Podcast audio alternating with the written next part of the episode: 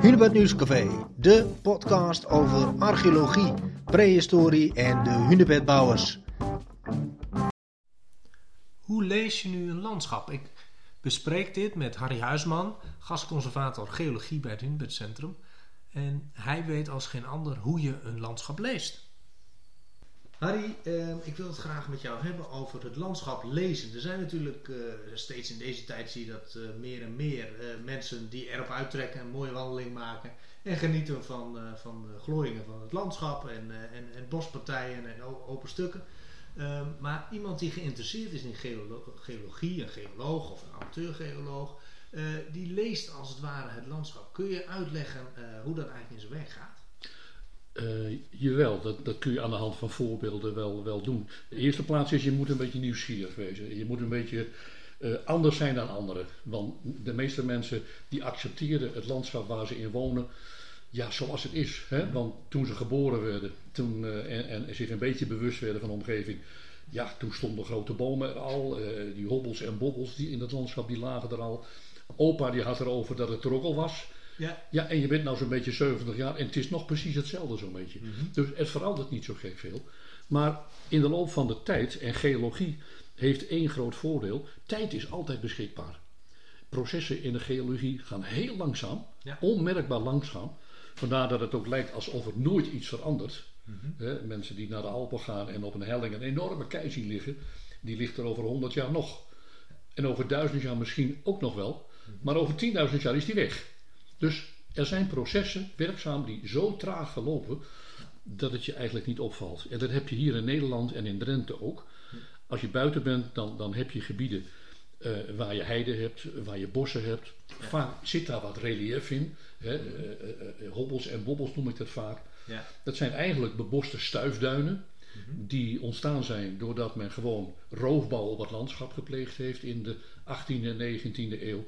En vooral bij de uitgang van de Drentse dorpen eh, had je dus elke dag eh, ja, zeg maar die, die kudde schapen die vanuit de stallen Ja. verzameld werden en dan via die schaapsdriften Via de driften, ja. ja, de hei op gingen. Mhm. Nou, dat- die, die, die hoefjes van die schapen, Ja. ja. die hebben eh, de vegetatie vertrapt, want ze dringen heel dicht op elkaar om naar die heide te gaan. Ja. Nou, die, die schaapdriften zijn heel vaak de, de aanzet geweest tot het ontstaan van die mini-woestijntjes waar ze in de 19e eeuw en zelfs in het begin van de 20e eeuw nog ontzettend veel last van hadden.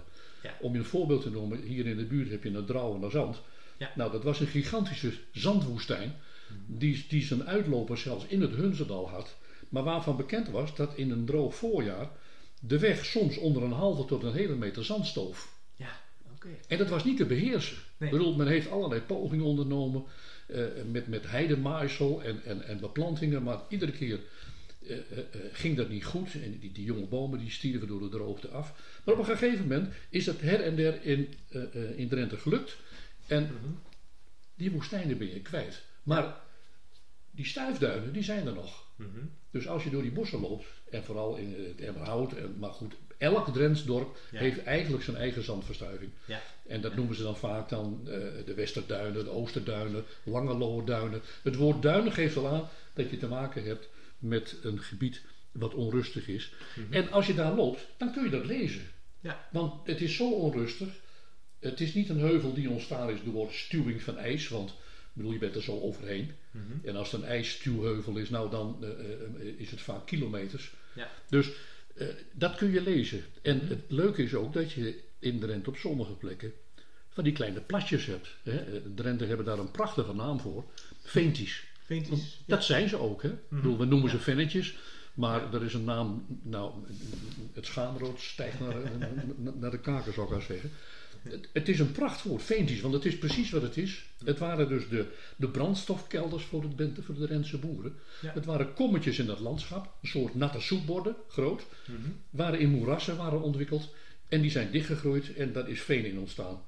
Nou, die boeren hebben dat veen eh, weggegraven, er turf van gemaakt. Mhm. Dus er kwam weer water tevoorschijn.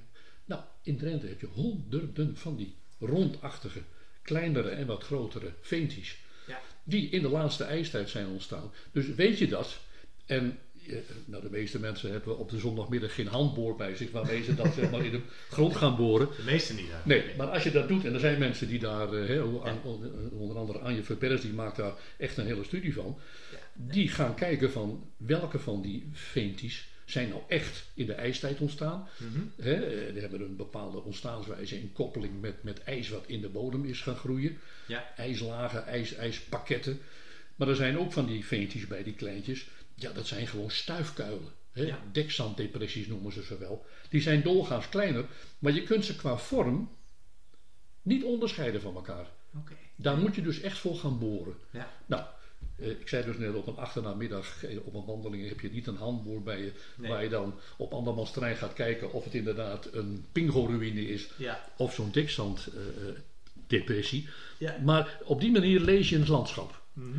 En als je eh, over de Hondsrug gaat, hè, ik, ik heb het in een eerdere uitzending al genoemd, vooral tussen Fouten en Weerdingen, ja, dan is de weg wel recht. Ja. Maar die gaat naar beneden, die gaat weer omhoog, die gaat weer naar beneden. Dat gaat wel een maal of vier, vijf achter elkaar. Ja. Ja, hoe komt dat? Ik bedoel, niets ontstaat maar zo. Nee. Hè, er is altijd wel een oorzaak aan te koppelen. Nou, en als je dan een klein beetje van de geologie weet en je weet wat voor processen er in het verleden hier in Nederland gespeeld hebben, en dus ook in Drenthe, ja, dat laat sporen na.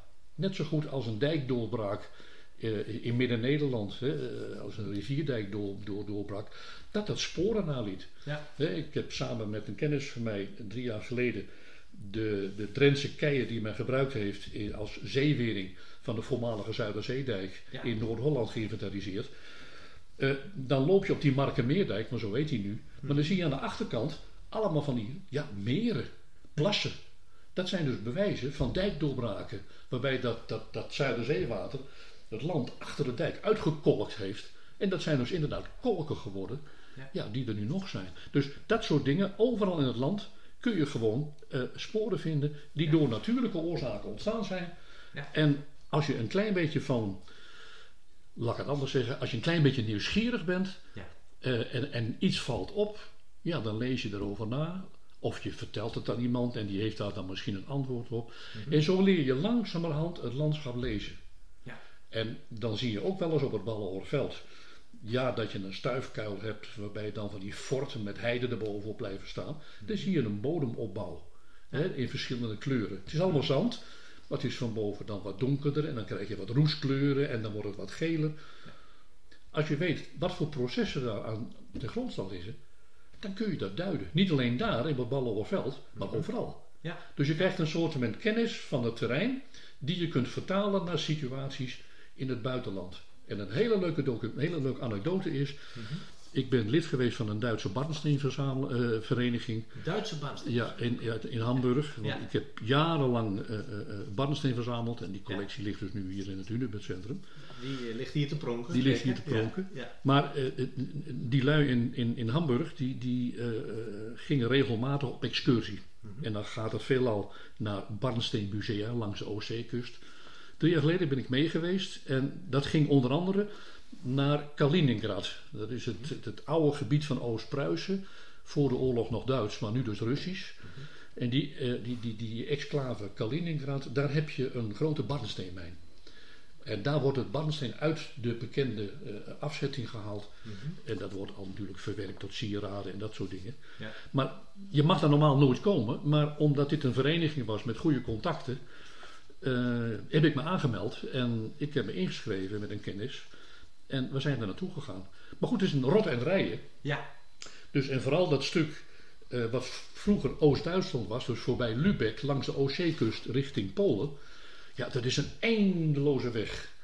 En ik had verwacht dat de excursieleider voor in de bus ja, wat informatie zou geven hè, waar je aan voorbij reed. Dat gebeurde niet. Die mensen zaten gewoon stomweg in de auto, in de bus en die chauffeur die reed wel. Ja. Dus ik zeg dus tegen mijn kennis naast mij, ik zeg, moest luisteren.